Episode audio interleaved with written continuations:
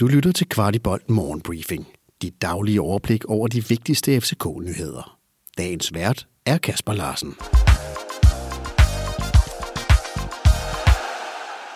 Og vi starter morgen med lidt information fra vores bestyrelsesformand Allan Agerholm angående banen, som, ja, mildest talt ikke var prangende søndag aften.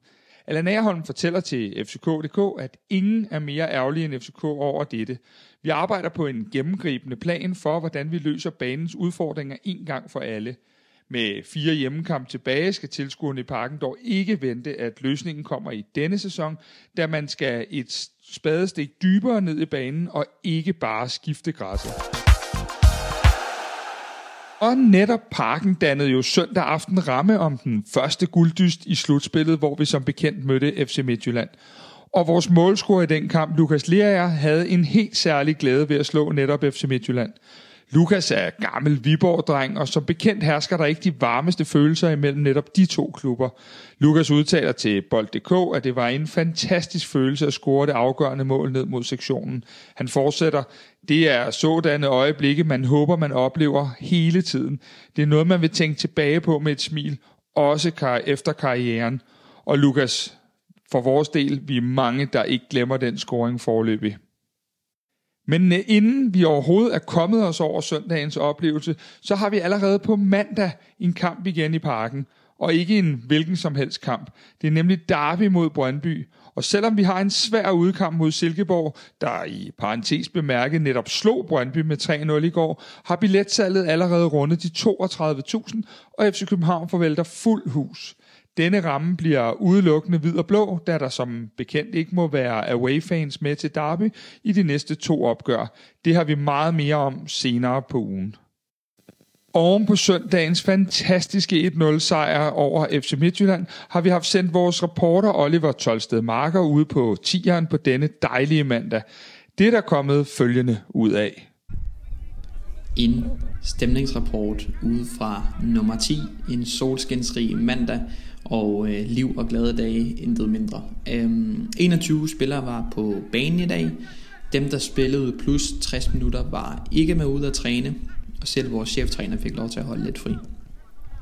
Derfor var der kun 21 spillere, kun og kun, men folk, som øh, ikke spillede særlig meget, folk, der ikke var udtaget, og derudover så var Uri Oskarsson og Noah Sasha og Daniel Håbo også med fra U19, og selvfølgelig Elias Jelert, men han er jo en, en fast del af vores øh, A-trup. Der var øh, tænding på for dem, der trænede. Det var ikke... Øh, det var ikke en rolig træning, der blev givet gas, og øh, der var øh, god øh, energi, og ikke mindst glæde ind på banen. Øh, Jakob Næstrup var selv med i nogle øvelser. Det er gevaldigt sjovt, når han er det. Han har, han har god energi, ikke kun som træner, men også når han er med i, de her spil. Så, så det var sjovt at se.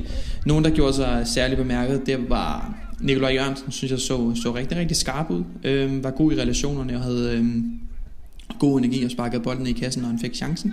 Og udover så er der altså en Haugen Haraldsson, der, der presser rigtig, rigtig godt på. Han har gjort det sindssygt godt de sidste to uger efter han er kommet tilbage fra, fra sin skade, og i dag var han øhm, også rigtig, rigtig dygtig. Øhm, han er en spiller, som er sulten og bare øh, elsker at spille fodbold, hvilket øh, selvfølgelig er svært ikke at lade være med at, øh, at gøre nu i, i de her tider, hvor, at, hvor tingene kører, som de gør, og det er... Øh, positivt hele vejen rundt, både for folk, som øh, er i og uden omkring klubben. Også fans er jo øh, lykkelige for den måde, som, som tingene de forløber sig i øjeblikket. Og ellers var der et flot fremmøde ude på, på tieren. Det er jo, øh, det er jo påske, øhm, og øhm, folk har nok øh, noget, noget ferie, så, så de havde tid til at tage ud på træningsanlægget og se spillerne give den gas. Det var det herfra. Ha' det godt, og øh, tillykke med sejren. Og som Oliver nævner, var der mange, der kun havde restitutionstræning i dag. Og det var måske meget godt, efter der blev løbet rigtig mange kilometer i går. Efter kampen havde vi selv besøg af Legends Club medlem Christian Lønstrup. Det kom der rigtig mange spændende pointer ud af. Blandt andet talte Løn som den udvikling, han har set i holdet igennem sæsonen, om hvor vigtigt et fundament er på et fodboldhold, samt nogle helt specifikke taktiske greb, jeg stod op og skruet på.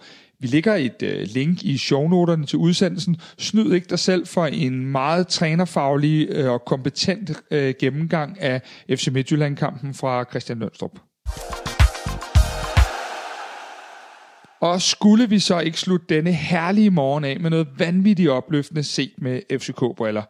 Vores dygtige U19-hold vandt 4-0 over Vejle, blandt andet på to mål af Ode Oskarsson.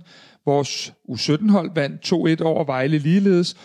Begge hold fører deres rækker, og vi har dermed både et U17-hold, et U19-hold og vores Superliga-hold på førstepladsen.